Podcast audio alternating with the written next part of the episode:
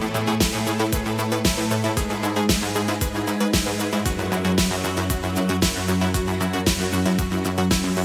och välkommen till Popmusiks podcast. Jag heter Johan Alexed och idag sitter jag och har fått finbesök ända ifrån Stockholm av Julia Victoria. Hej, hej. Välkommen hit. Tack så jättemycket. Hur är läget idag?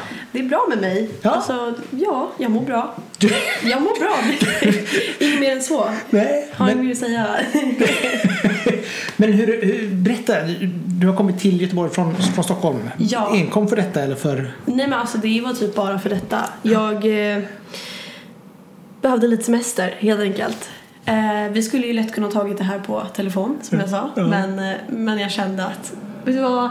En helg i Göteborg låter inte så fel. Så jag och mamsen tog en liten tjejweekend i Göteborg med hundarna. Nice. Så det har varit härligt. Vad har ni gjort? Vi, har, eh, vi var på restaurang igår med Ja. hundarna. Eh, Vi hittade en som man kunde ta in hundar på. Jättemysigt. Eh, Idag så har vi gått och shoppat lite grann. Jag köpte lite present till min kompis som fyller år imorgon. Oh. Yes, så att jag har lite grejer på G där. Jag hoppas hon blir nöjd. Klart hon blir om vi kommer ända från Göteborg. Så. Exakt, liksom kan jag säga att det är liksom, jag har fraktat den här för din skull. Nu är det liksom fri frakt. Underbart. Ja, nej, men det är alltid kul att komma till nya städer och framförallt nu när man nästan inte kan resa Nej men exakt. överhuvudtaget. Nej men vi sa ju det, vi gick ut här och det är mycket mindre folk på gatorna i Göteborg än vad det är i Stockholm.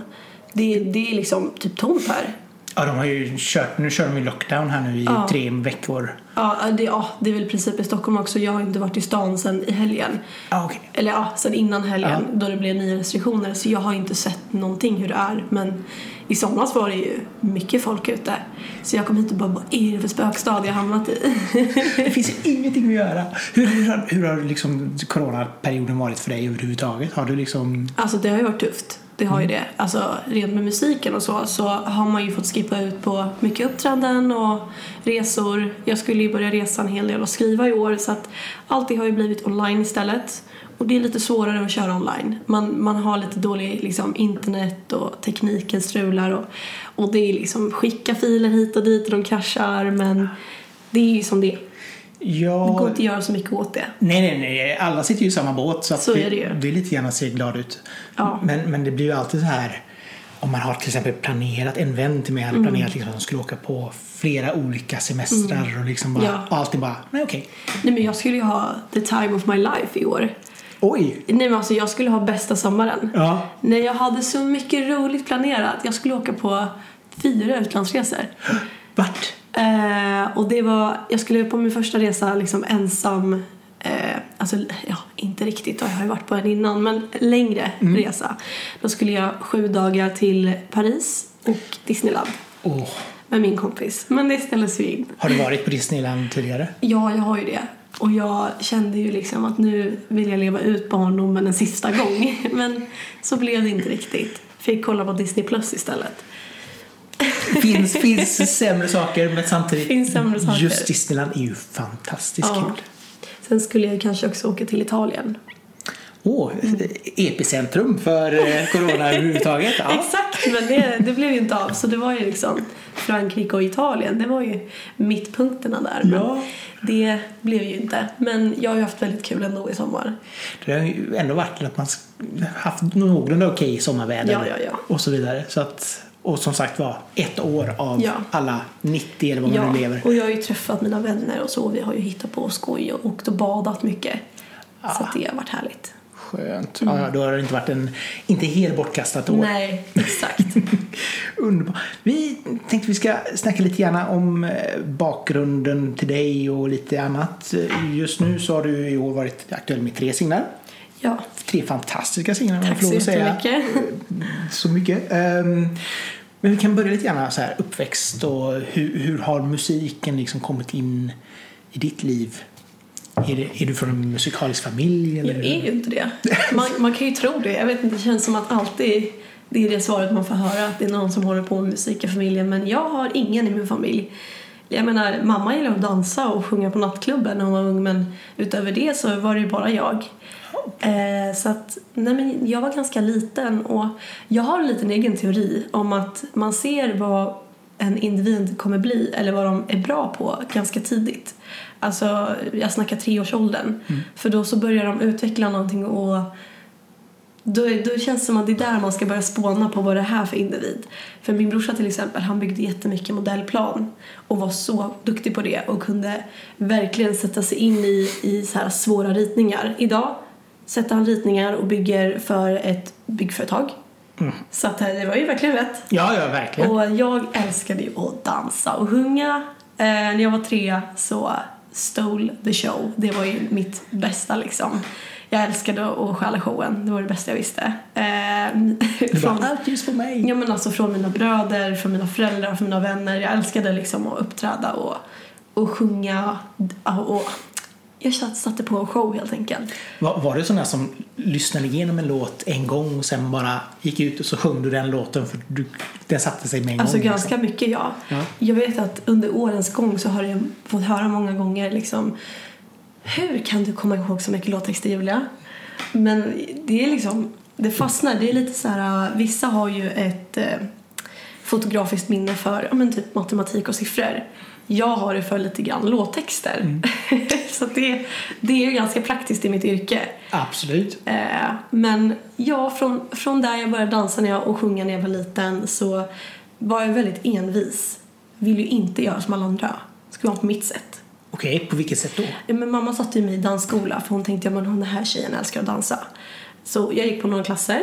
Jag stod i hörnet. Jag stod längst bort i hörnet och dansade min egen dans medan de körde sin koreografi. Och började liksom skrika och gråta om jag skulle göra som alla andra. För jag skulle ju ha min show. Ingen ska komma här och vara tillsammans med dig utan Nej, du bara såhär, allt ljus bara Nej, men det var ju så här, jag skulle ju vara min solokarriär redan då. Så att jag gick lite körer och jag gick liksom, tränade lite sång men sen så la allting liksom fejdade ut så mm. som många hobbys gör.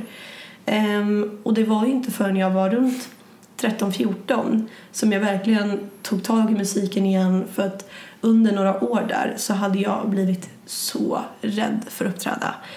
Jag mådde väl ganska dåligt hemma och livet, skolan, påverkade mm. mig väldigt mycket. Så att all den här fantastiska känslan jag hade om att jag ville stå på scen hade nu försvunnit totalt och jag ville liksom gå igenom under jorden. Oj! Ja. Det, det är en ganska stor kontrast. Ja, liksom. det, det, är en väldigt stor kontrast. Vad var det som hände som gjorde att du kände att... Ja, men det var ju, vi skulle ju flytta och jag var ju ganska liten så att jag tror att när det blir för många faktorer i livet så, så orkar man helt enkelt inte. Och jag flyttade till en liten stad där det var väldigt mycket du ska inte tro att du är något känsla. Väldigt mycket jantelag, mm. tyvärr.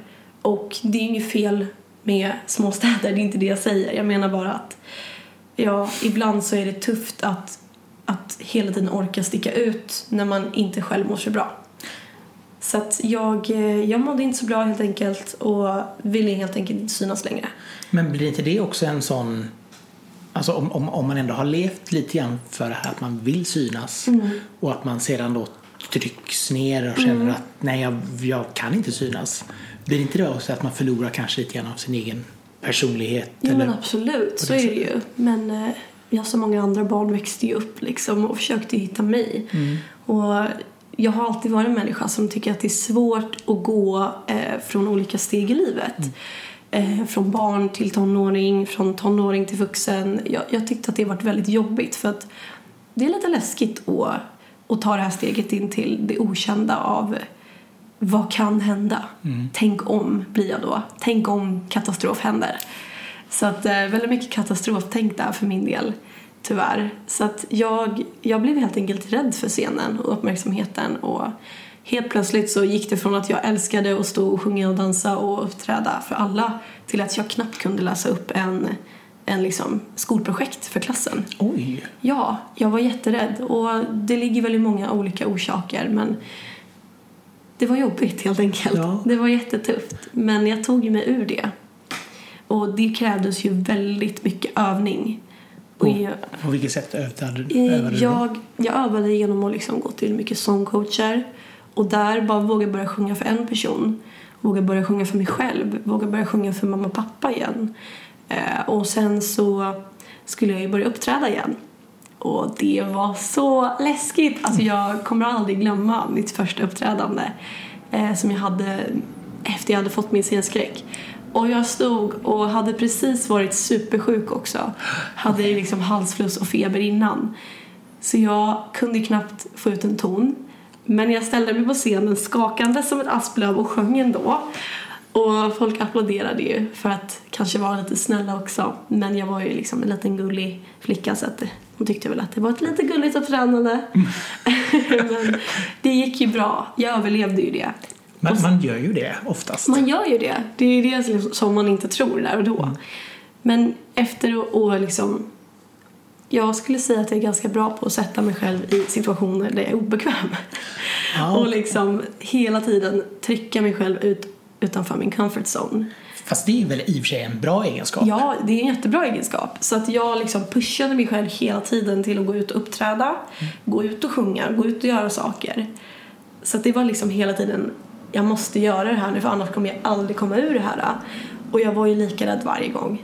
Men efter år efter år, och jag fick ju väldigt mycket stöd hemifrån också, så, så lyckades jag äntligen känna att det inte var så jobbigt längre att ta plats. Och det var inte så jobbigt att och liksom våga vara mig själv och säga vad jag tycker och tänker och sjunga och skriva och sådär.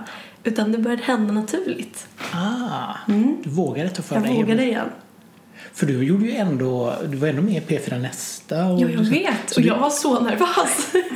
jag höll nästan på att svimma där bak liksom. Jag tyckte det var så obehagligt. Men jag gjorde det ändå. Ja. För att jag visste ju att det är det här jag vill göra. Det är det här jag älskar. Så jag kan ju inte bara sluta för att jag har den här jobbiga rädslan. Men, men när, när du var inne i den här tröskeln kan man väl kanske Mm. kalla det då, eh, i, i tidiga tonåren och när du kände liksom att musiken var inte riktigt det du ville ha fokus på. Mm.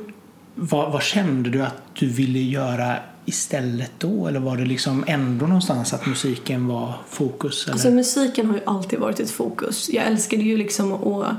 Jag, jag gjorde ju det, fast jag gjorde det ju väldigt privat. Jag, jag låste ju in mig på mitt rum och spelade in musikvideos. Och körde liksom typ TikTok idag, fast för mig själv. På liksom min gamla Nokia som jag spelade in på en liksom riktigt dålig kamera eller någonting och spelade upp någon ringsignal eller låt som jag hade ja, favoriserat och, och gjorde, gjorde allt det jag gör idag i princip. Fast jag gjorde det liksom för mig själv för att jag hade ju tappat det här att jag ville visa andra. Så att det, ja, man kommer ju ur det till slut. Ja, jo, nej, men det, det är ändå skönt att du, Ja. att du inte la dig ner och bara, nej men jag vågar inte göra någonting. Utan verkligen så här pusha dig själv för att, ja, att annars gå hade framåt. jag ju aldrig varit där jag är idag. Nej, nej, Nej. Det, är, för det är ändå ett, ett, som sagt det är alltid ett steg att ta och som sagt var, Ja. om, om man känner att ah, det här var jobbigt. Hur man ska våga ta tag i det. Ja. För jag menar, det är lite grann som om du till exempel du älskar hästar, du rider hästar och så blir du helt plötsligt avkastad och kanske till och med sparkad av hästen. Då kommer Ja. ju nästa säga, okej vågar jag? Ja. Antingen är det bara så här, okej upp på sadeln igen och verkligen visa att nej det är jag som bestämmer. Jag vet. Eller också så är man bara, nej aldrig mer hästar. Jag vet. Ja, ja men det var ju tufft det där men Ja, jag kan tänka mig det. Ja. V- ja, Vi tänkte vi skulle gå igenom lite grann artister som inspirerat dig och lite grann om låtar som, som du gillat. Så jag har bett dig skriva ner några som vi tänker vi kan ta en liten, eh, en liten genomgång. en liten genomgång Ja. så vi får en liten bild av Absolut. vilken musik som, som Ja. Julia lyssnar på. Jag har ju aldrig varit liksom en albumlyssnare Nej. förrän mina äldre dagar. Äldre dagar? Sa 19-åringen. Sa 19-åringen men det är ju mina äldre, mina senaste år då så har jag börjat lyssna mer på album. Men innan dess så lyssnade jag ju mer på, på singlar och på låtar och så. Eh, så jag har bara skrivit ner fem stycken singlar. Och det är lite grann en berättelse om mitt liv också. För att ja, den första jag skrev ner var Starship av Nicki Minaj. Ah, Och eh, den låten är ju väldigt otippat kort. För det är ju verkligen så här, alltså hon rappar ju i den och hon, hon kör ju sitt race. Och jag lyssnade som en galning på den när jag var 8, 9, kanske till och med yngre. Och det var där jag då skulle ha mina konserter och tvingade alla jag kände sitta ner och de bara men jag måste jobba. Jag bara nej, nu ska du kolla hur jag ska sjunga den här låten. Och jag körde liksom rap som nio bast. Körde den här hela Nicky-rappen. Och den är inte lite långsam heller. Utan nej, är den väldigt... är ju väldigt hetsig. Men eh, jag tror att det, att det hjälper mig idag för att eh, jag tror att eftersom jag sjöng så mycket snabb musik när jag var liten inte liksom hardcore rap-rap men ändå lite så här pop-rap. Nicki Minaj liksom körde, ibland kunde jag väl försöka mig på någon Eminem-låt men det gick ju inte så bra. Eh, och det gör ju att jag kanske sjunger snabbare idag. Och det hjälper mig i mitt yrke, just i den genren jag är i också. För det är mycket snabba stavelser. Och framförallt, liksom, ja, som du säger, liksom det här eh, diafragmanstödet i magen. Liksom att, att kunna Ja. få ut ord. För det är ju så mycket luft som ska Ja. pumpas ut och samtidigt Ja. om du är på scen och rör dig och Ja. alltihop. Så perfekt liksom. Exakt. Och jag skriver ju liksom mycket midtempolåtar men jag har ju också mycket snabbare låtar på gång. Och då krävs det ju att man hinner få in så mycket text och mening på tre minuter som möjligt. Så då är det ju verkligen att artikulera som gäller. Men skulle du eh, kunna tänka dig liksom att släppa en låt där du verkligen rappar? Ja, gud nej. nej, nej, inte än på några år. Där har vi inte kommit. Eh, så bra är jag inte på att rappa. Jag skulle ju bli eh, kallad åtlöje om jag gjorde det, tyvärr. Men eh, man kan kanske se någon dag kanske. Någon dag, ja. Någon dag. Kommer, faller bitarna på Ja, plats? du Beyoncé bara- började ju inte rappa, det kom ju sen. Ja, ja exakt. Ja. Man får börja någonstans. Jag får börja någonstans. Ja. Men fantastiskt bra låt Ja. framförallt. Ja, Starship I Love Ja. It. Och rolig video. den är väldigt rolig. Vi, låt nummer två. Låt nummer två. två. Eh, det här är ju ett otippat kort. För efter jag hade kommit in i musiken, jag åkte ju på mycket eh, låtläger. För att ja, men både få känna att det var kul, men också för att utbilda mig. Så mycket typ så här voice camp och, och det finns ju ett här i Göteborg som jag var på också. Eh, med Marie Jakobsson. Och eh, då under den perioden då sjöng jag inte så mycket pop. För jag träffade en eh, sånglärare och han bara, nej men du ska inte sjunga pop. Du ska sjunga blues och jazz. Och jag bara, jaha, okej. så jag liksom gick ju in i det då all, liksom hela, med hela själen och allting. Så jag körde ju mycket det typ ett år, ett halvår. Eh, så då sjöng jag You Got Time av Regina Spektor. Om ni inte känner igen den titeln så är ju den introlåten till Orange is the new black. Eh, och den låten är ju väldigt långt ifrån det jag sjunger idag. Eh, men det var faktiskt den låten jag sjöng på det där första uppträdandet. Jaha. Ja, det var den. Och jag övade som en galning på den och körde mycket liksom Regina Spektor-låtar ett tag där och, och lite inom de genrerna. Eh, så att jag kände mig lite bekväm då att gå liksom en, kanske ta en annan vinkel eh, för att komma ur det här jobbiga som jag kände. Så det var lite roligt. Sam- Samtidigt så är det väl också den här souliga sättet Ja. att sjunga på Ja. är nog också en bra övning. Det är en bra övning. För att jag kom ju in i studion till min sånglärare Ludvig hette han då. Jag har inte träffat honom på jättemånga år. Men då kom jag in och bara jag ska sjunga Ariana Grande. och, och så sjöng jag en, en låt av henne. Och han bara eh, ganska tvärt nej. Det ska du inte göra Julia. Och jag okej, ehm, jag ska sjunga då då. Och så visade han en massa låtar av Gina Spektor och andra artister som hade mer, ja men, mer blues, mer liksom eh, mer Soul. jazz, mer soul, mycket mer soul. Ibland någon rb artist också, men bara för att få mig att se att det finns andra sätt att sjunga på också. Och det var ju jättehjälpsamt för att jag skulle inte säga att soul är enklare men vissa låtar är inte lika krävande som poppen. Eh, för att det är mera känsla och bara liksom tugga på och, och ligga där och känn låten och känn liksom vad är det för, för känsla i låten jag ska framhäva medan poppen kan vara mer det är ett mer performance.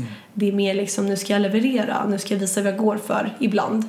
Eh, så att det var skönt att få, få kliva ur min skräck jag hade för musiken med någonting nytt som jag hade aldrig testat. Och samtidigt så kan du ju måla så mycket snyggare egentligen med, Ja. när du är i soul-sammanhang.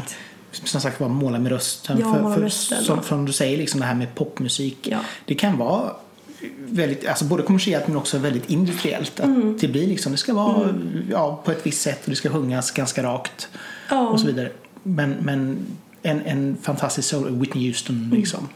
Där du verkligen har en person som kan använda hela sitt register. Liksom. Ja, så jag fick ju testa på lite grann där och känna men oj, så här känns det liksom att kanske waila, vilket jag aldrig hade gjort innan. Så här känns det att, att använda liksom lite mer nasal röst och, och liksom hoppa mellan olika register för att känna på vad har jag för röst. Och det var ju jättebra av honom, för det, hade jag ju liksom, det har jag tagit hjälp av idag. Det förstår jag. Ja. För jag menar, har du väl hittat te- tekniken, för det är ju det Exakt. som är det svåra. Ja. Då kan, har du det hela livet sen. Liksom. Sen eh, om, om rösten ändrar sig på vägen är ju en sak, men du, du har ju ändå liksom grunden. Exakt. Och sen då så, så gick jag vidare. Så att jag kom ju ville börja sjunga Ariana Grande, men jag fick ju inte. Och sen kom det ju en tid då jag kände att nu måste jag break free. Så att jag började sjunga Ariana Grandes låt Break Free. Ah. Eh, Så då gick jag in i poppen igen. Jag broke free från soul, jazz och blues och allt det där och gick in i poppen igen. Så att då, då var det ju verkligen full on kläder med Ariana Grande, gå i de här höga bootsen, lyssna på hennes musik som galning och sjung pop. Det var ju jättemycket av min tidiga tonår. Mellan liksom kanske 15 till ja, 16, 17 typ. Ganska länge. Och jag gick på hennes konsert och var ju så ett stort fan eh, av henne och Justin Bieber. Oj, jag var belieber också. Åh, det, var, ja. det var ju riktigt så här. De var ju mina största idoler då. Och jag fick ju träffa Ariana Grande faktiskt. Hur var det? det? Alltså det var ju ganska sjukt. Alltså jag tänker på idag och det känns inte som jag har gjort det. För att för det, hon sätts ju upp på ett sånt högt pedestal. Så hon känns ju inte mänsklig på något sätt. Och att träffa henne, det känns liksom... What? Har jag gjort det? Men det var väldigt snabbt också så det kändes overkligt. Hon kändes mer som typ en docka på Madame Tussauds Det- istället för en människa. För att det var liksom en lång kö och så gick vi dit, eh, jag och min kompis Linus. Och eh, så fick vi typ 20 sekunder med henne. Hon, vi gick in och sa Hi guys, how are you doing? Oh my god, I love your hair, typ. Eh, och så tog vi en bild och sen så var det Thank you, bye, have a nice concert, I don't know. Ja, så Och- snabb meet and greet, Så det var liksom. liksom in, bild, ut eh, på alltså, nästan mindre än 20 sekunder, det kändes som 10 sekunder. Och jag och Linus bara kollade på varandra, vad är det som händer? och den bilden, alltså jag ser så yr och nyvaken ut så att det är helt sjukt. Men den, eh, ja, det är ju bevis i alla fall.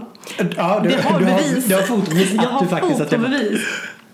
Eh, men det, det var faktiskt ganska sjukt att, att jag lyckades få träffa henne. Var konserten bra? Konserten var fantastisk. Jag och han dock, det var första gången vi hade ståplatser. För vi har gått på mycket konserter våra dagar tillsammans. Ja. Eh, och vi blev ju krossade! Eh, alltså, nej, inte så hemskt men alltså det, jag hade ju aldrig varit med om det. I mitt huvud så var det liksom, för jag kommer ju från Sandviken, eh, Stockholm på Sandviken och det är en liten stad och där när det är stor publik, nej men då står man på sin plats. Man trängs inte. Du står still. Det är liksom väldigt mycket så. Mm. Väldigt du har sin plats, det är väldigt svenskt, Ja. väldigt så. Här, alltså jag har aldrig varit med om det trycket. Jag kände mig som en, liksom, en, en sill som blev oputtad i liksom en förpackning.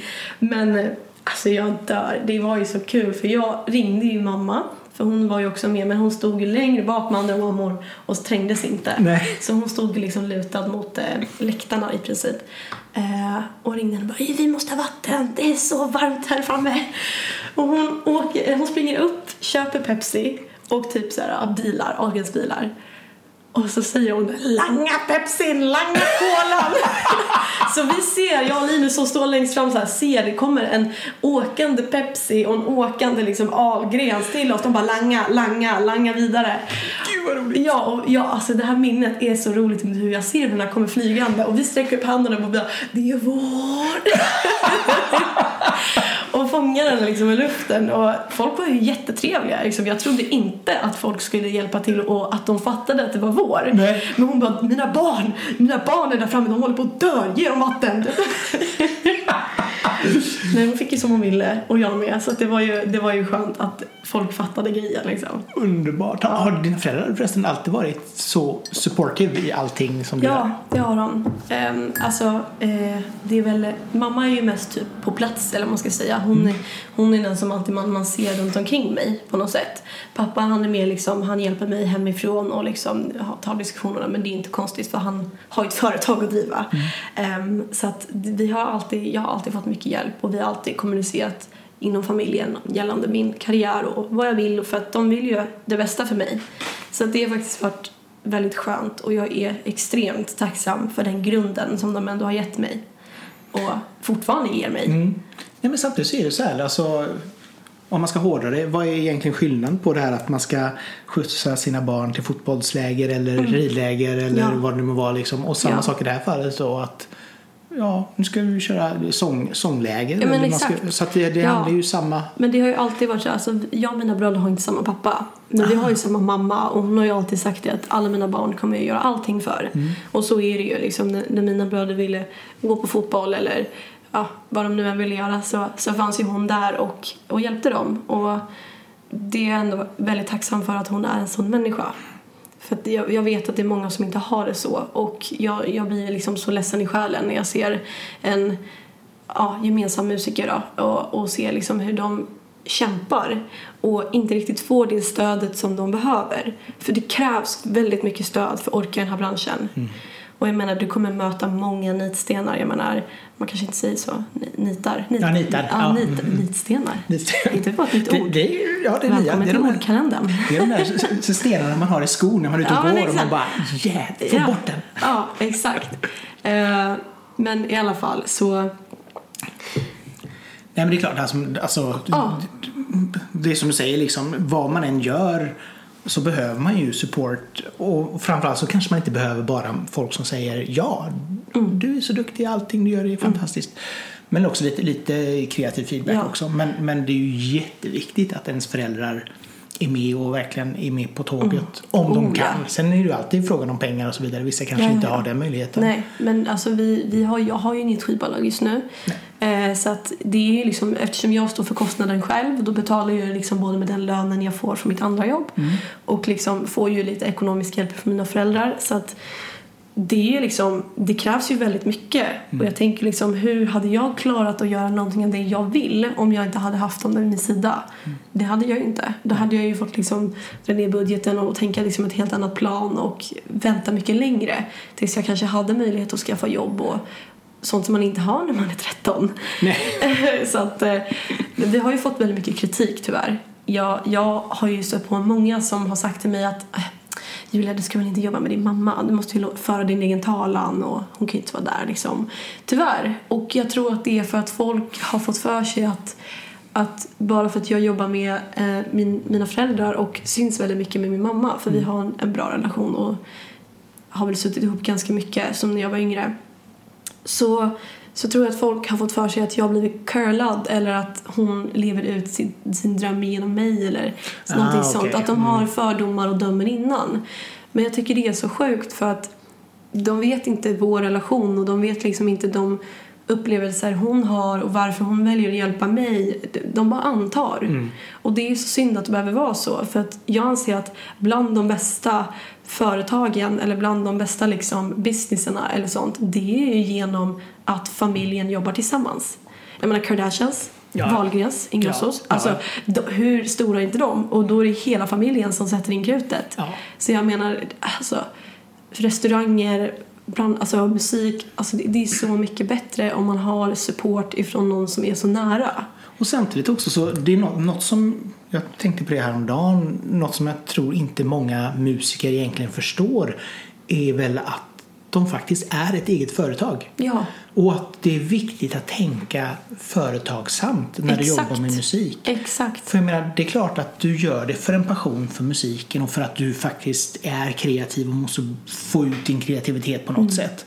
Men samtidigt så är det så här att allting du gör är ju liksom pengar. Du måste ju någonstans få in ja. pengar på det du gör. Och det är liksom inte så lätt att starta ett företag när man är 14. Nej. Så det är klart att man behöver liksom ekonomisk hjälp och råd och tips från någon som redan har ett företag ja. som är liksom ja, men 50 år. Då, ja, då blir det ju... och, och hårdrar vi det så är det egentligen bara två år som du har för lov att vara själv i och med att du Exakt. ändå är 19. Så att jag menar, Ja, du hade ju ändå behövt dina föräldrars hjälp fram tills dess och jag menar, har det ändå fungerat?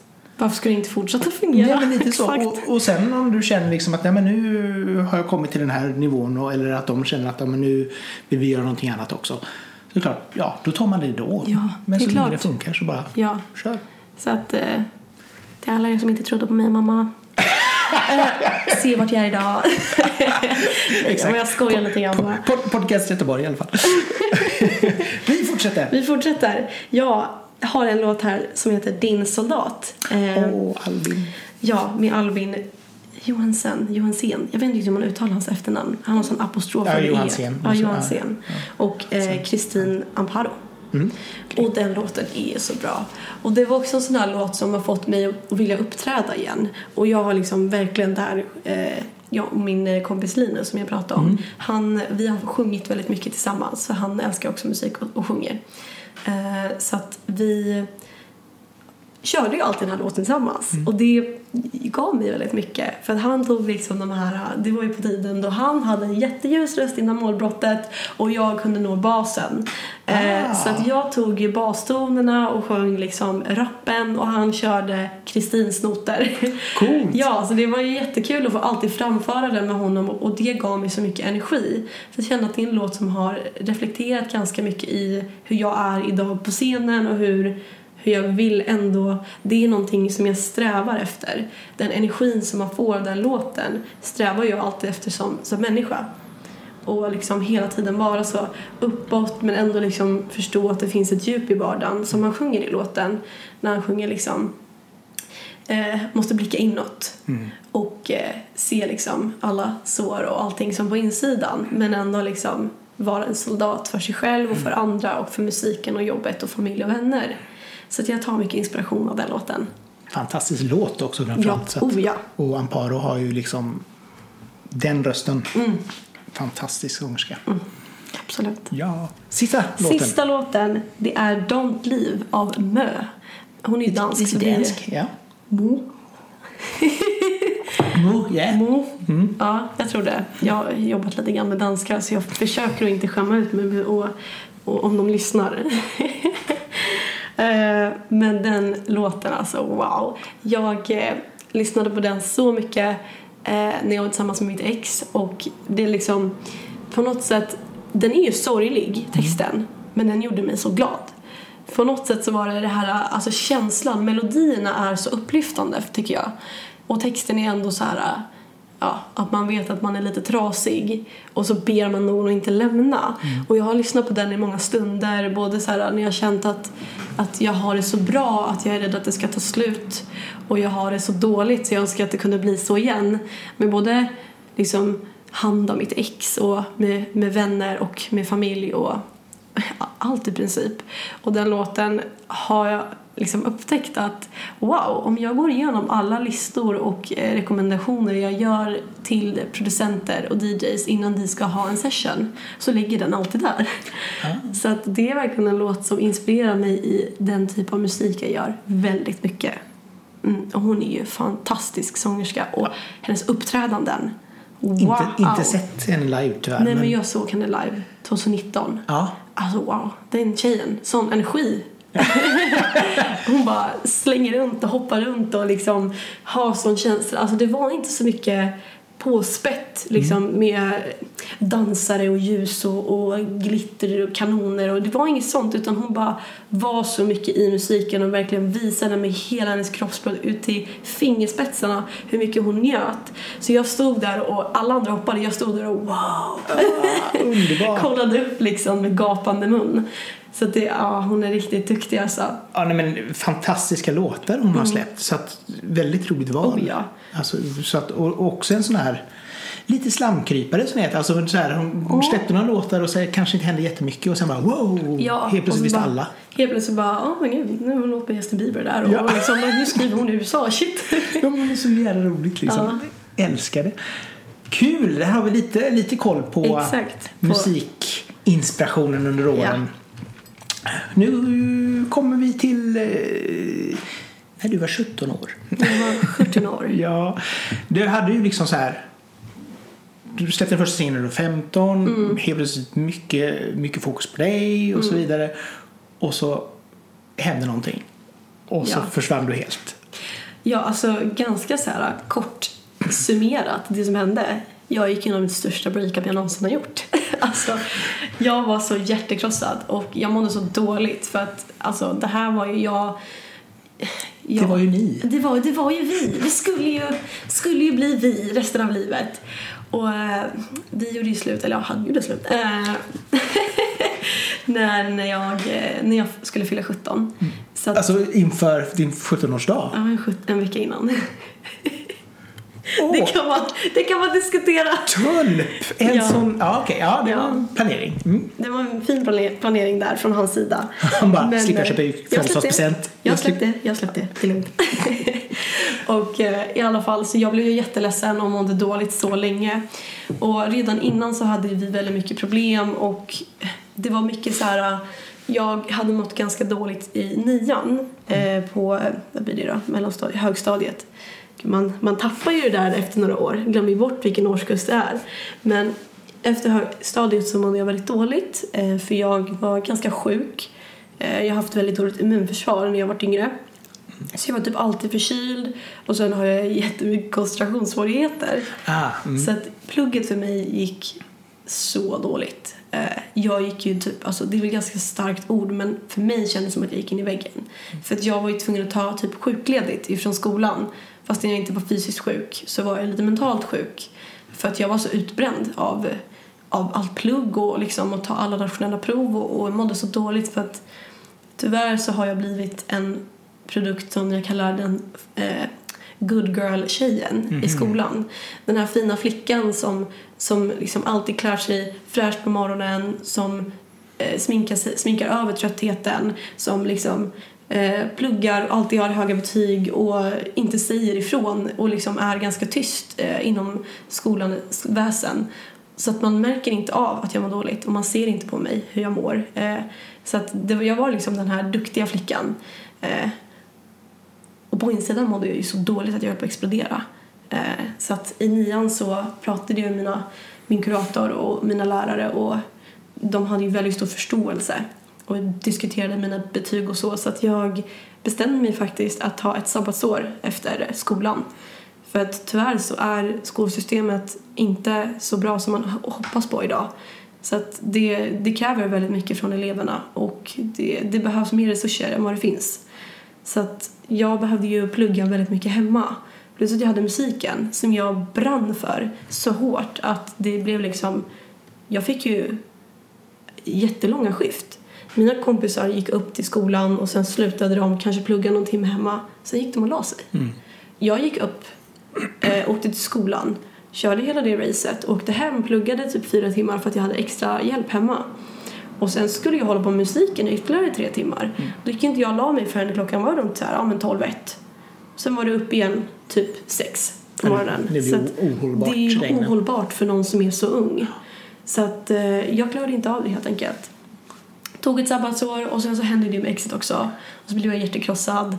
Och det är när man, när man har så mycket tid som jag ändå hade. För att jag var ju väldigt mycket hemma och bara skulle återhämta mig och försöka komma igång igen. Hitta den här glada, peppiga, drivande Julia. Så att jag har ju haft många dippar under mina unga år tyvärr.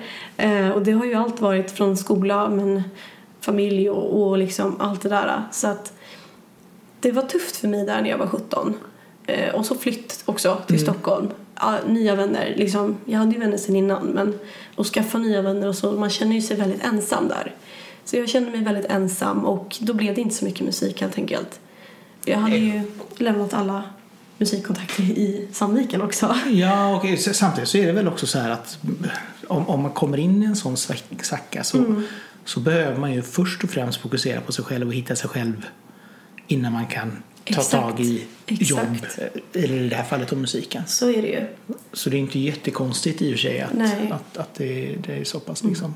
Jag har ju ändå alltid varit en människa som driver på. Alltså jag driver ju alltid på hur dåligt eller hur bra jag än mår. Så jag har ju alltid gjort saker emellanåt också. Och jag släppte ju faktiskt låtar när jag var 17 och mådde sådär dåligt. Men sen så tog det ju typ ett år då jag bara jobbade på mig själv. Jag började ju gymnasiet då också, ett år efter alla andra. Eh, och eh, träffade ju mina managers som jag har idag eh, och diskuterade ju då med dem över kontrakt och så och det vi har idag. Så att jag höll ju fortfarande på men jag kände att jag behövde ta tre steg tillbaka och bara liksom gå in i vem är jag som artist? Vad vill jag skriva? Jag måste börja skriva mer än vad jag redan gör och liksom verkligen sätta mig i studiosituationer. Så det var jättebra att jag hittade dem då, Magnus och Magnus som de heter. Hur, hur hittar man sig själv som artist? Det gör man aldrig. Men alltså, du kan ju åtminstone hitta en röd tråd. Det är väl lite mer det jag menar. Att du kan hitta en röd tråd på att det här spåret vill jag köra på. Okej, men ska jag köra på svenska? Ska jag sjunga på engelska? Ska jag sjunga pop? Ska jag sjunga soul? Vad för genre? Vad, det börjar liksom där, väldigt enkelt. Och sen liksom försöka lista ut vad har jag att säga? Vad är det som är viktigt för mig just nu? Och det är ju olika för alla artister. Eh, För mig var det var väldigt viktigt att få ut det jag kände just nu så jag skrev ju väldigt mycket om liksom mitt ex och min förra relation och, och all smärta som, som uppkom där. Så det var ju väldigt mycket av det jag skrev om vilket har nu släppts i år.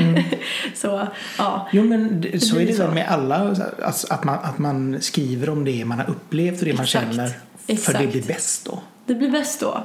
Och det är alltid, jag har alltid upplevt att de låtarna som blir bäst det är de låtarna då jag i princip från början har eh, Ja, men det kan vara någonting jag verkligen tar från verkligheten. Som min nästa låt jag ska släppa nu, eller jag ska släppa en EP, men en- en av låtarna där på EPn, eh, den som har EPns namn, Stranger, den, eh, det var ju, alltså det är taget, direkt tolkat ur ett brev som jag skickade till mitt ex som, som ver- verkligen var så. Jag skrev ett långt brev för jag är väldigt jag är skriftlig av mig. Jag eh, uttrycker mig bättre i skrift ibland än tal.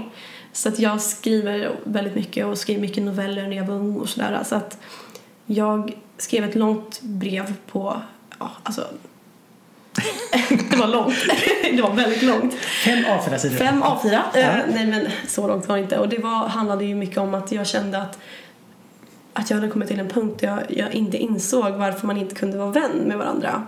Och varför kan inte vi bara umgås som vänner? Han bor i ett annat land men det är liksom Norge så att det är väldigt nära. det är inte ett annat land i princip. Det var som såhär, typ Gambia. Nej, Nej, Norge. nej, Norge.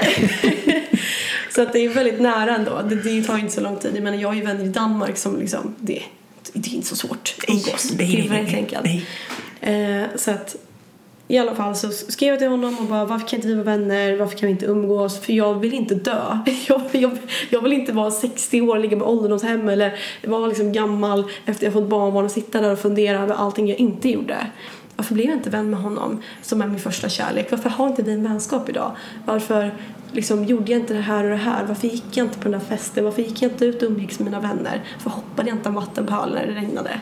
Sådana där saker. Jag fick en väldigt sån ja, lite stressad känsla eh, där över eh, jul nyår. Och då så skrev jag det här långa brevet och skickade till honom. Eh, för att vi brukade prata väldigt mycket om sånt där. Eh, när vi var väl liksom var vänner och var tillsammans och sen också efter vårt breakup när vi fortfarande hade kontakt. Eh, och det enda jag svaret var typ jag fick tillbaka var tack men nej tack i princip. I princip. Så det var lite jobbigt. Så då kände jag bara okej men vad ska jag göra med det här? Ska jag gå runt och känna att det här var liksom en epic fail eh, och att jag mår lite dåligt eller ska jag sätta mig i studion och göra någonting bra av det? Så jag satte mig i studion, tog upp brevet och min producent han är så gullig. Han bara Wow vad fint du har skrivit Julia. vad fint du uttrycker dig. Jag hade blivit jätteglad om jag fått sånt här brev. jag bara ja tack. Men nu är det inte du som fick brevet Nej, utan exakt. den som fick det skulle kanske ha reagerat. Ja, på- exakt. på. Men han har ju gått vidare och jag är jätteglad för hans skull att han har gjort det. Men jag tycker att det är tråkigt att man inte kan vara vänner.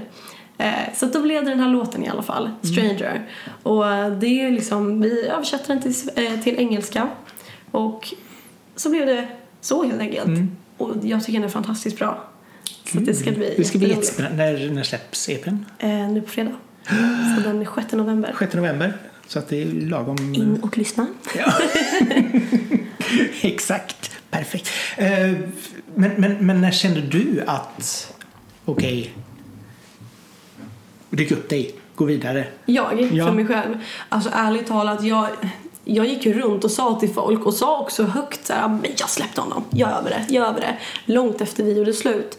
Och det var ju troligtvis för att jag försökte övertyga mig själv om att jag var över det.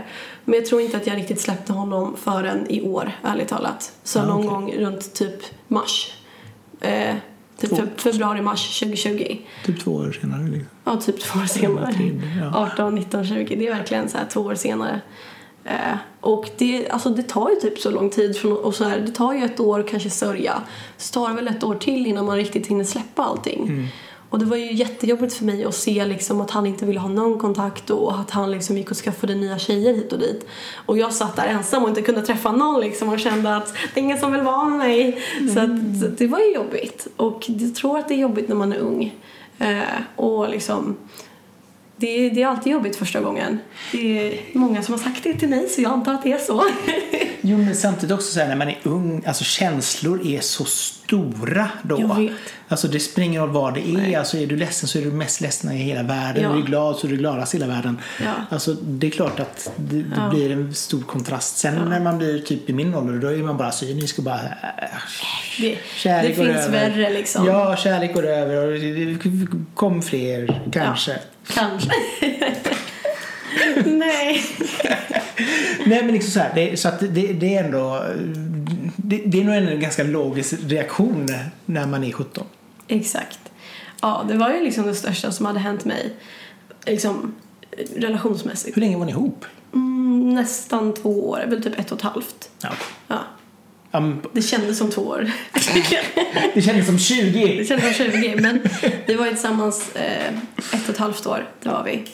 Ja, men som sagt var, kände man där och då att detta var fantastiskt. Och samtidigt så blir det ju också, som du var inne på tidigare när du pratade om på det här att du har svårt med förändringar. Mm. Ja, jag har ju det. Ja, Och där var jag ju tvingad till förändring. Ja, och, Ja. Och, och där har du liksom en sån typisk grej när helt plötsligt så bara så du vaknar upp och bara allting är liksom helt, helt upp och ner. Ja. Det är klart att Ja. sen, sen så för en utestående så kan man ju bli så här efter ett tag att snap out of it. Men, Ja, men är man i det så är det Exakt. klart att då är, då är det så mycket känslor. Nej, men jag, jag, idag när jag kollar tillbaka på hur jag liksom var så blödig och liksom satt där och grinade för hans skull. Jag bara, men gud vad pinsam det var Julia, nu får du skärpa dig. Jag är liksom en kille, det kommer fler. Var inte sådär. Men då var det ju fruktansvärt jobbigt liksom. Tonårskärleken. Jag var ju så kär i honom liksom. Så att det var, det var ju tufft. Och det, det tror jag alltid att det kommer vara. Normen är alltid lite snyggare så att det, jag förstår dig. Ja, de är, ju det. ja, det finns många snygga normer. Ja. Ehm, 2020, tre, nya, tre singlar släppta i år. Mm. Eh, EP på väg. EP på väg, ja. Eh, det har ju som sagt var temat har ju varit väldigt mycket om breakupet Mm. och just det här att bli övergiven och, Mm. och framförallt sista Can't Stop som absolut tycker jag är den bästa av låtarna. Eh, Tack.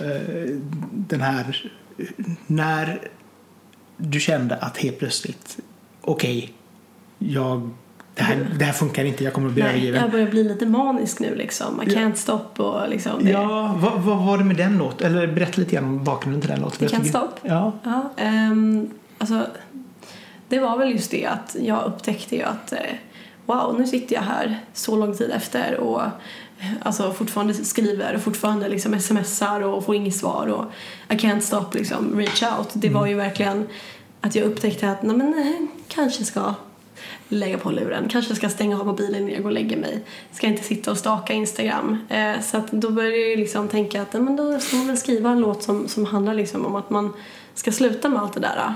Så att det, det var ju lite grann den låten som handlar mest om för mig en revolution i att förstå ja, men alltså att sluta för de andra två låtarna är ju väldigt så här ah, lämna inte mig, väldigt så talande till den personen.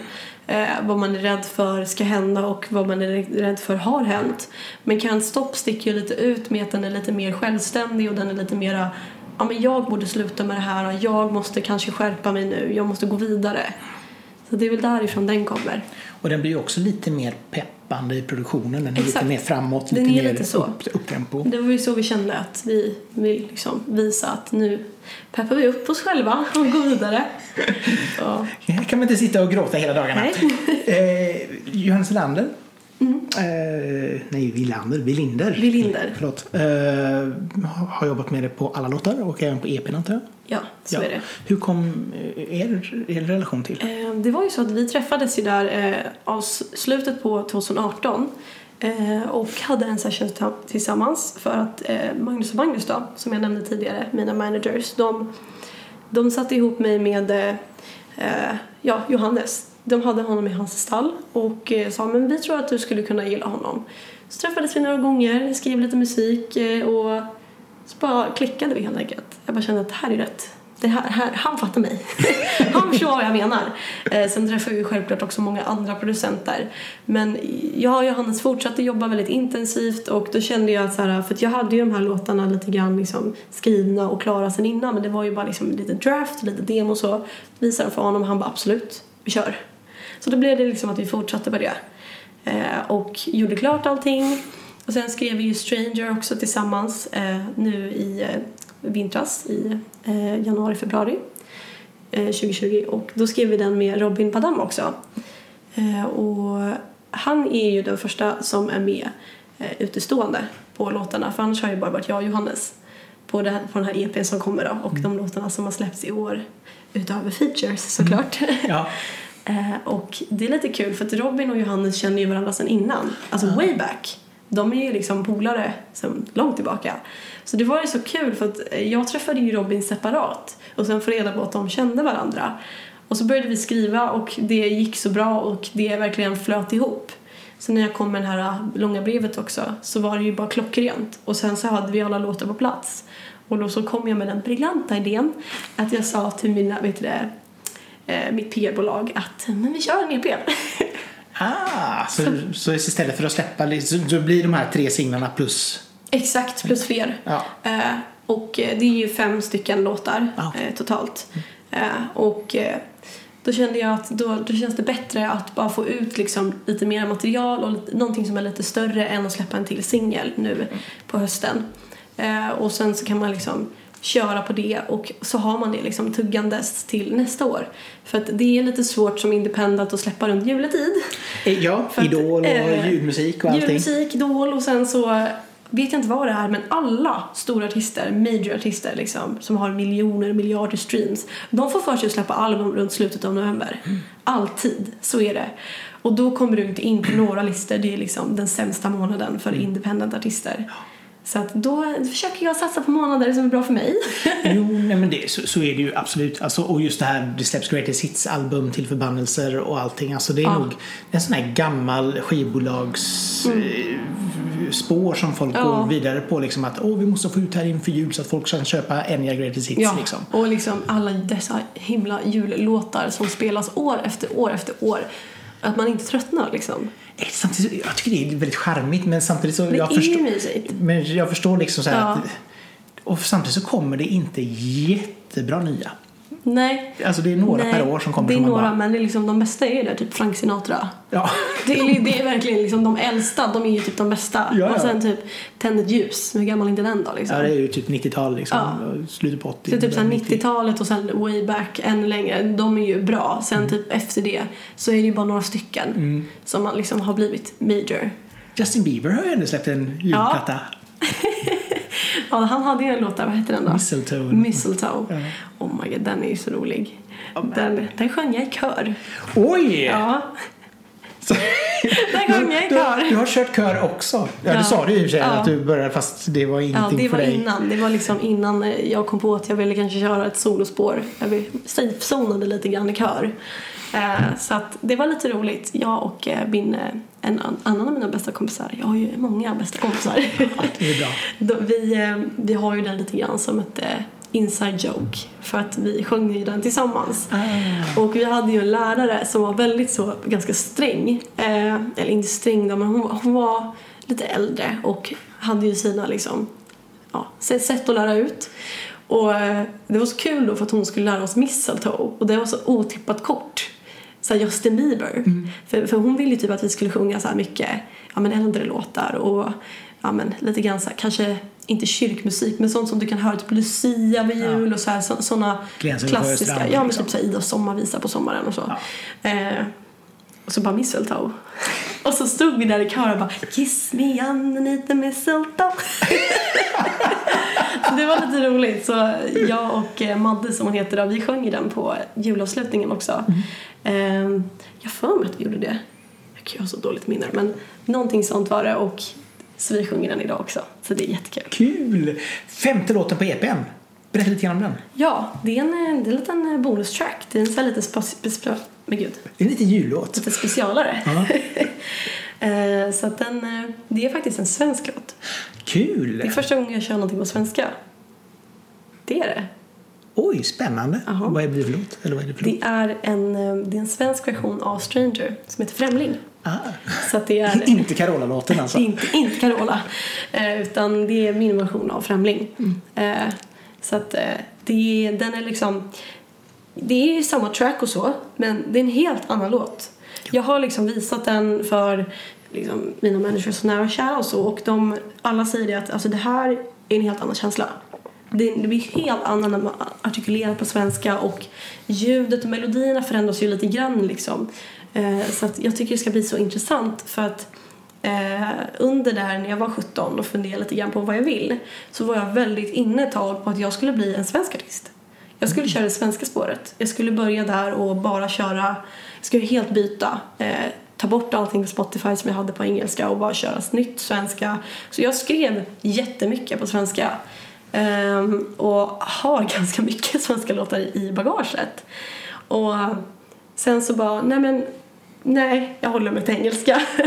så länge så att jag kände att nu, nu ska jag köra på engelska och ska jag fortsätta på det så får vi liksom så hoppas jag på att folk kommer ta emot det och känna att det liksom fortfarande sticker ut och att det är bra fastän så många människor kör på engelska.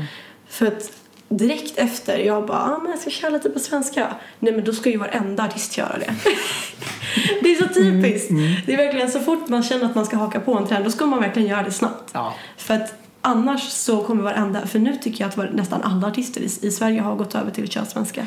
Ja, alltså anledningen är ju egentligen superenkel i och med att det känns som att de här artisterna, många av de här artisterna som, som kör, körde på engelska kör, körde ju stenhårt på att vi ska ha en internationell karriär och den hände sällan för någon av dem. Exakt. Så då körde de ju svenska. Ja, för här har de ju publiken. Ja. Och då kan, och jag menar, som en, jag tycker ändå det är fördelen med en svensk artist att du kan liksom både släppa Ja. låtar på engelska och på svenska. Och jag menar som, tar du som Darin till exempel, han pratar ju på det att ja, men jag kanske släpper en, en skiva på engelska längre fram också. Alltså Mm. Det behöver inte utesluta det Nej, jag andra. vet. Det behöver inte utesluta. Men det är liksom lite svårt som att vara ganska ny och släppa på både svenska och engelska samtidigt. För då är det ganska svårt att säga men vem är jag, vilket fack ska vi sätta Julia i, liksom, vad är hon för genre? För att då blir det liksom lite dubbla budskap. Så då kände jag att nej men då håller jag mig till engelska och så förbättrar jag det och så gör jag verkligen det superbra, så bra som jag kan. Och sen så lägger jag till en svensk låt.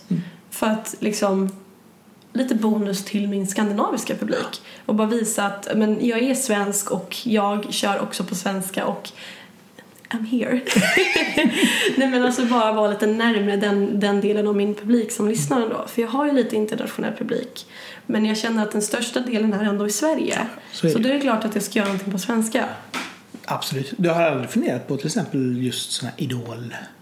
Jo då, jag har funderat. jag har funderat och Jag, funderat. jag, du har stått i kön och du har gått Jag har därifrån. funderat och, och jag, jag är jättesugen på typ söka till Mello. Eh, Ah. Det skulle jag jättegärna vilja vara med i. Det är bara det att komma in är väl lite svårare. Ja, jo, men en bra låt kommer du långt med. Eh, Exakt. Så att Mello är ju absolut ett alternativ för mig. Mm. Eh, Idol vet jag inte. Kanske. Vi får se någon dag. Alltså, Mm. jag har ju fått många förfrågningar men som sagt, jag hade väldigt mycket scenskräck förut och jag vet inte, jag, jag har alltid haft någon så här, nej jag kan inte söka till Idol-känsla i mig. För att jag ville väl typ ta en annan karriär. Jag vill bli känd utan att vara med i TV. Mm. Eh, men ja, vi, får se helt Ja. enkelt. Jag kanske är med, kanske Du- söker. Du stänger inga dörrar i alla fall. Så man Stänger inga dörrar. Vilken är den bästa, din, din favorit Melodifestivallåt som du alltid å- återkommer till när du... Alltså jag skulle, jag skulle köra en gamling, alltså jag skulle köra Waterloo typ. Oj! Ja. Ja. det är inte dålig låt. Nej, men det är ju för att jag älskar ABBA. Som man borde. Som om man, borde om man Ja. är svensk. Ja, eller om man gillar musik överhuvudtaget så Ja, borde man exakt, gilla ABBA. exakt. Ja. Kul! Waterloo då. Besatta Mamma Mia också är jag ju, så att det är kul. Jag tycker ju Visitors är ju det bästa de har gjort. Så jävla bra album. Ja, så att jag, nej, jag älskar ABBA.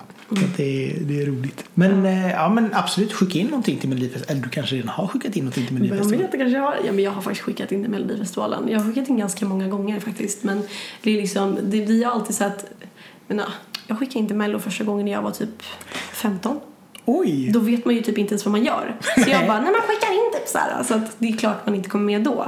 Men det är ju en annan sak nu typ när man är äldre och skaffar nya kontakter och så. Men jag tror att det, det bästa skulle vara att kanske skaffa ett label innan. Och verkligen planera ut det i detalj. För att det har varit ganska så här, slänga ihop det snabbt, skicka in någonting för mig. Och det är klart att de vill ju ha en tydlig plan. Ja. Så att det är för mig tror jag att det gäller att vara verkligen übertydlig och visa vad jag vill, vem jag är och vilken låt jag har innan jag ens gör någonting. Och såklart budget. Det är inte billigt. Nej, så med andra ord september eh, 2021 så har du, har du din plan klar i och med att det är då du ska skicka in låten. Ja, exakt. Så det är bara till att börja planera. Ja, börja planera. Post-it-lappar på väggen och bara Ja, här säger det. är det, roaden. det bästa som man gör det är oftast med planering med ett år innan. Faktiskt. Ja, det, är, så är det ju. det är så många som bara säger åh jag har släppt en låt, eh, den, jag tänker jag släpper den nästa vecka. Bara, Nej, det går inte. eh, fast du kanske ska... Nej, men jag, jag har ju liksom en låt klar åtminstone sex månader innan, Ja. innan släppet. Eh, minst liksom. Jo, men, och det är ju jättebra för jag menar då kan du ju få den här roadmappen. Alltså planera Spotify-spellistor även om de inte kommer med. Så Ja, har ja. du ändå större chans att den kommer med. absolut. Och jag menar, jag eh, sitter ju liksom redan nu, typ så här, igår, så att jag planerar alla släpp som jag ska göra för nästa år in till början på 2022. Så så långt fram är jag. Du är väldigt så här företagsam, det gillar vi. Ja men det, det är klart, det har jag lärt mig av mamma och pappa. Mm. Så det tar jag från dem. mamma har visat. Ja men det är jätteviktigt och jag Ja. tror som sagt att fler bör vara som du. Ja men det är det man gör, alltså man lär ju vara liksom verkligen så långt fram i planeringen. Mm. För att absolut så här, jag, jag blir jättemobbad av mina kompisar för att jag har en fysisk almanacka som jag skriver i, som jag Hur gammal är du Ja egentligen? men exakt, hur gammal är jag? Men jag har ju liksom en, en pappersalmanacka som jag beställer online för att jag vill ha ett superspeciellt sätt. och där skriver jag ju ner varje session och varje liksom eh, grej i framtiden, alla jobbpass, allting. Och det är så skönt för att då kan jag verkligen kolla igenom den. Och sen också om det blir något strul, vilket det blir ibland, typ så här man ska se hur många gånger man har jobbat med någonting för att få ut en viss procent på något kontrakt. Då kan jag bara kolla igenom vilka datum jobbade jag med de här och de här. Så det är verkligen så bra. Recommend, recommend. Personligalmanacka.se. Nej men det är jätte- alltså, grymt liksom. Att, Mm. att, ha organis- att organisera sig själv och ha koll på sig själv det är superviktigt. Ja. Liksom. Så det ska bli jättespännande. Innan vi går vidare också, vi måste prata lite igenom, du har Mm. gjort ett par features. Det har jag. Ja, eh, senast var faktiskt Thin Ice Ja, Thin Ice. bara för några veckor sedan. Ja, Hur kom det som? För där skrev, var det även med och skrev låten. där har jag skrivit låten ja. Eh, och grejen var att det var ju precis innan den här coronakrisen och då var vi i mars och jag skickades ner till ett läger i Danmark. Och eh, det var faktiskt första gången jag åkte utanför Sverige och skrev musik. Så kul! Alltså det jag vill göra igen och igen och igen. Det var dansk öl. ja, verkligen. Nej, men jag, jag, jag tyckte inte om öl då. Jag tycker om det nu dock, men eh, hade lite svårare för det då. Eh, I alla fall så, så skickades jag ner dit och då så parades jag ihop med honom, DJn, på campet. Och så eh, började vi skriva på en låt och det var faktiskt så att Ja, för vi var, det var jag och en till låtskrivare och så var det han och så var det en till producent som satt i samma rum och jobbade på den här. Och eh, jag och den andra låtskrivar, låtskriverskan då, eh, Ricke som hon heter, eh, vi började skriva på en helt annan låt. Eh, vi var liksom inne på ett spår. Vi frågade honom, vad han är holländsk, eh, så vi pratade ju på engelska såklart. Eh, what kind of eh, music do you want? What type of subtitle? What kind of like meaning do you want? Eh, så vi började skriva på en låt som var lite grann som eh, Once I was seven years old av Lucas Graham. Lite grann vänskap, lite känslor så, men det blev ju inte det. För när vi hade börjat skriva på det och hade gjort kanske, kanske halvvägs så sa han så här, mm, jag vet inte riktigt om det här är för mig. Så vi bara okej, börja om, radera, börja om, gör om, gör rätt. Så då så körde jag en liten så här intervju på honom eh, och ställde honom lite snabba frågor. För att det, låten skulle ju ändå handla liksom, det skulle ju vara hans. Så jag ställde lite, vart är du i din relation? Vad känner du att du upplevt förut? Typ så här, har du något ex som har varit så här jobbigt? Och då gav han mig massa scenarion och utav de scenarion så plockade jag ihop och satte ihop trådarna och skapade den här låten. Så att då blev det den storyn. Eh, vilket var Thin Eyes, för det, det var bland det första han sa. Han bara, jag känner ibland att jag är på, I feel like I'm on walking on thin ice sometimes. Eh, I en relation, relation han hade haft. Eh, och då, då skrev vi det, thin ice. Då blev det så. Kul! Ja. Så det är ändå du som har kommit på, nästan kommit på text, eller heter det, titeln också liksom. Ja, exakt. Jag, jag tog allting han sa som jag kände att det här, det här blir klockrent. Men- och så satte vi ihop pusselbitarna. Hur tycker du, för du har ändå gjort ett par, du gjorde 3am eh, i fjol. eh, med Fast den har jag inte skrivit. Nej, men den var du ändå featuring på. Det var jag feature på. Eh, v- vad tycker du om just att vara uh, gästsångare på, på Ja, låtar? men jag tycker det är jättekul. Jag tycker det är kul för att man får liksom testa någonting lite alltså, annorlunda. För att man får, eh, jag håller ju på liksom i samma genre men ändå lite så här eh, midtempo pop liksom. Det, det är väldigt så här heartbreak, radiovänlig, sån typ av musik är jag. Och de gör ju mycket mer festival, eh, nu ska vi hoppa dansa musik. Eh, Så det är lite kul och lite kul. väldigt kul. det är väldigt kul att få liksom skriva sånt och att det ska gå snabbt, att det ska vara upptempo, att det ska vara glatt, att det ska vara ett speciellt beat. Och det är så roligt att höra när de är klara. För att ofta så demos låter ju ofta helt annorlunda än slutmaterialet. Och den här demon var ju väldigt så lugn och fin. Så jag tänkte hur ska han få till en liksom uptempo house-låt av det här? Men det fick jag ju till. Det blev ju jättebra. Så det, det klarade vi av galant tycker jag. Kul! Och vad jag förstod så har du även några fler på lager också. Mm. Ja, jag håller ju på, eh, jobbar hela tiden. Både för mig själv och skriver men också skriver till alla andra och då skriver jag ju till en del DJs. Så att jag jobbar just nu lite grann med eh, några ryssar och sen så jobbar jag med liksom massa människor världen över. Så vi får se vad som går igenom. Det är ju alltid lite krångligt det här med kontrakt och så. Ja. Den delen kan ju ta väldigt, väldigt lång tid. Men när det löser sig så hoppas jag på att det blir ännu fler features. Kul. Va, vad tycker du förresten är utmaningen för att vara en, en independent-artist idag och nå ut och få lov att komma med till fyra morgon och så Vill du vidare? ha den långa eller den korta listan? Bring it! Nej men alltså det är, det är ju väldigt tufft. Det är det. Alltså pressen är ju enorm och speciellt det här med att sticka ut. Det tycker jag är den största utmaningen. Den största utmaningen det är liksom att hitta någonting som får skivbolagen och får liksom lyssnarna och, och se dig och höra dig.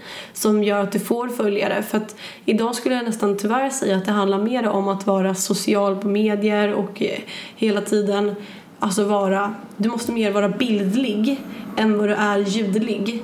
Så att du måste hela tiden säga vad ska jag lägga upp för feed? Vad ska jag ha för bilder? Vad ska jag lägga upp som är liksom eh, intressant? Och det är ganska tufft när man egentligen inte brinner för det. Men det är ju en del av artisteriet. Så att det är verkligen, man får ju se det som en företagsgrej. Och jag jobbar ju hela tiden för att förbättra mina sociala medier. Och det är ju svårt för vi har ju gått in i en era nu där det är väldigt mycket sociala medier och influencers styr ju väldigt mycket över vad som är populärt. Så sådana här podcaster är ju väldigt viktigt för mig och roligt så det är ju sånt jag vill göra mer av. Det svåraste är ju dock för en independent att hitta sådana här tillfällen och verkligen ta dem tillvara, alltså ta dem i akt, ta dem tillvara liksom, och, och hålla dem nära och göra någonting fint av det. För att jag tycker det är ganska tufft faktiskt att, att liksom nå ut hela tiden. För att visst, man hamnar på några listor och man, man hittar några scener men du vill ju nå den stora massan. Och den stora massan har inte så bra hörsel skulle jag säga. Den stora massan är väldigt, väldigt svår och liksom, den silar igenom väldigt mycket. Det är bara väldigt lite som kommer in. Och Samtidigt så är det så alltså musiklyssnandet har ju egentligen inte förändrat sig någonting sen radion utan folk vill bli serverade. Alltså du sätter på, nu, förr så satte du på P3 och så lyssnade du på musiken där eller P4. Eller så köpte jag en skiva. Ja, men och nu så sätter du på en spellista och så lyssnar du igenom på låtarna där. Så att det är ju svårt ännu svårare nu känns det som för, för i radion så brukar de alltid säga liksom att ja men det här var Toto med Africa och då bara åh det var en bra låt den ska jag köpa men nu är det liksom så här nu blir du liksom en låt I mängden. ja, Ja. och du vet inte ens Nej. vad du har lyssnat Man på får liksom hoppas på att lyssnaren tar upp Shazam och Shazamarens låt och liksom lägger till den i spellistan. exakt Men liksom, det är ju väldigt opersonligt. Mm. Jag skulle ur en personlig åsikt och säga att det nästan kanske finns lite för mycket musik idag. ja det gör det Det, alltså det finns för mycket, för det finns för mycket tillgångar. Alltså alla kan ju släppa en låt Mm. nu, alla kan ju vara artist. Det är inte exklusivt längre. Nej, och samtidigt, det som är roligt är att, att lägstanivån har höjts ganska mycket. Mm. Så att det släpps väldigt mycket bra musik, men det släpps också som du säger otroligt, alltså jag får ju nästan fem, mellan 50 och 70 låtar per dygn Ja. som skickas till bloggen. Och det är liksom det, finns, det är tekniskt omöjligt att skriva om allting. Och så, Jag vet. så helt plötsligt så måste det bli liksom så här allting måste vara så jävla bra. Jag vet.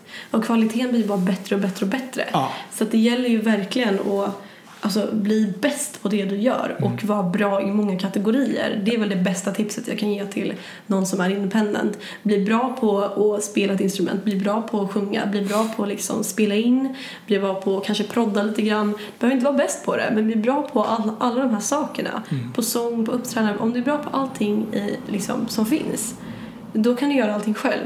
Då slipper du betala för det. Och då, kan det liksom, då blir det enklare, det blir bättre för du är ju också den enda som kan bestämma hur du vill ha ditt företag och din, din business och liksom din produkt. Vilket det är liksom. He- Hela Julia Victoria är min produkt, det är min bebis. Jag försöker hela tiden göra att det, att det slår och att det är det bästa som jag kan leverera. Så det är bara att bli bäst på så många saker som möjligt. Jo, men jag tror det är. Alltså, det är lite som sagt vad, vad du än gör om du ska liksom öppna en restaurang. Det är ju ingen som är intresserad av att gå till en restaurang med medioker mat som smakar bajs. Utan, och det är ju samma sak här. Alltså, ska du släppa musik så måste du liksom göra någonting som du brinner för och något som du känner att wow, det här är jättebra. Liksom. Så att, nej, det är jätteviktigt. Så att, bra, bra råd. Eh, lite smått om framtiden. Nu har du precis släppt då, när den här podden kommer ut så har du släppt en EP eh, och du hade som sagt var jättemycket planerat inför nästa år. Ja. Eller jag har mycket teoretiska Ja, planeringar. som ligger i alla fall i, i, i pipelinen. Ja, Så här, vad- hypoteser. Ja, men vad hoppas du om framtiden? Liksom? Så här, vad ser du dig själv liksom, om, om typ när du är 25? Liksom? 25, ja det är liksom om några år. Det kommer gå snabbt dock. Eh, Ja. Alltså för det första, signad. Mm. Absolut signad hos ett bolag som tror på mig och som vill satsa med mig. Det behöver inte vara ett majorbolag, men ett bolag som tror på mig, har ekonomin och vill satsa. Eh, med ett bra team. Viktigt, mycket viktigt. Ett team som också kämpar för mig. Liksom, då snackar jag ett team som både är management, publishing, eh, liksom, eh, distributörer, Turné. eh, turné, allt, allt det där, liksom stylist, fotograf, allt det där. Ha ett team som verkligen jag känner mig trygg med, som fattar min image. Eh, nummer tre, eh, hitta mer mig själv. Eller hitta starkare röd tråd så att säga. För att hitta det som liksom gör mig unik. Eh, och, och vad folk vill lyssna på av mig. Nummer fyra. ehm, vad skulle det vara då? jag får gå på turné i alla fall. Ja. Åtminstone en gång. Ja, det, varit, ja, Det måste jag få göra. ja, det är Annars klart. jag galen. och så börja få resa och skriva mycket mera. För jag skulle verkligen vilja utvidga mina vyer.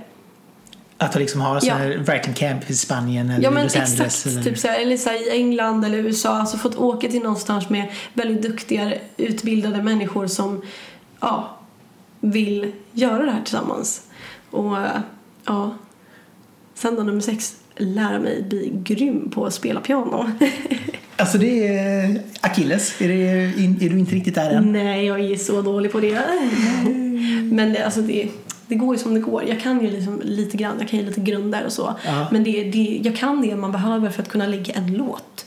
Eh, men kunskapen är inte så fint. Jag skulle kunna spela live till exempel. Eh, och det är verkligen det jag vill.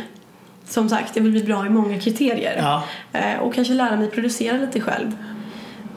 D- d- där ser jag mig om fem år. Åtminstone ha liksom hundratusen om inte en miljon streams i månaden. Då skulle jag vara nöjd. Då, ja, ja, då kan man ju faktiskt leva på det helt plötsligt. Exakt. Nästan. Exakt. Om, Kunna- har, om du har en billig lägenhet. Största målet, kunna försörja mig på musiken. Det hade ju varit fantastiskt. Fast samtidigt också så här, om du, om du kombinerar din, din karriär som sångerska och, och samtidigt också låtskrivare till Ja, ja, andra. ja.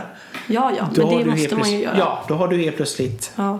Det blir ju lite Handling. enformigt också att skriva till sig själv hela tiden. Ja, jo det kan jag tänka mig. Men samtidigt så är det också skönt att, att man ändå har den inställningen att Ja. jag vill skriva till andra. Jag behöver, det, allting handlar inte bara om mig. Ja, jag vill skriva att det finns så mycket jag vill göra. Hur mycket vill du veta? det är liksom, Ja. nej, men jag tycker det är bra för jag menar, jag är imponerad bara under den här timmen att, att det, det känns som att du har ett bra driv, du har en bra engagemang, Tack. du vet vad du vill och sen ska man bara få alla bitar att falla på plats och Exakt. solen och stjärnorna står i rätt riktning och så vidare. Exakt. Allt vad det heter. Ja. Ja, det Men- absolut viktigaste och förlåt nu avbröt jag dig. Ja, nej. Men det, det är för mig att när jag är 25 att vara lycklig i det jag gör. Har man inte roligt, då är det inte värt det. Nej. Så är det ju bara. Då behöver man ta en paus. Eller så måste man komma på det ur en ny vinkel. Det är ju verkligen ha, ha kul. Göra det för att jag ska, jag ska gå in i studion och tycka att det var roligt att vara där en hel dag. Jag ska gå upp på scenen och känna att när jag går därifrån så har jag trippelt så mycket energi som jag hade innan jag klev på. För att jag ska tycka att det är kul. För annars är det ju inte värt det. Nej. Nej, och det är jätteviktigt. Alltså, man, man behöver inte vara rikast och man behöver inte liksom Nej. ha, ha Nej. det bästa förhållandet eller ens ett förhållande. Utan som du säger, så länge du är lycklig. Då, då, kommer, då kommer det andra av sig själv. Faktiskt. Absolut. Så det är underbar inställning. Tack så jättemycket Julia för att du kom hit. Tack själv. Jättetrevligt. Och till dig som lyssnat så hoppas jag också att du har haft det lika trevligt som vi. Glöm inte att dela avsnittet nu när du lyssnar färdigt så att fler kan höra det. Och prenumerera gärna på bloggen, så att, eller bloggen, på podden så att du får nästa avsnitt direkt ner i din poddapp. Men ifrån Göteborg så säger jag och Julia tack och hej! Hej då! Hej då!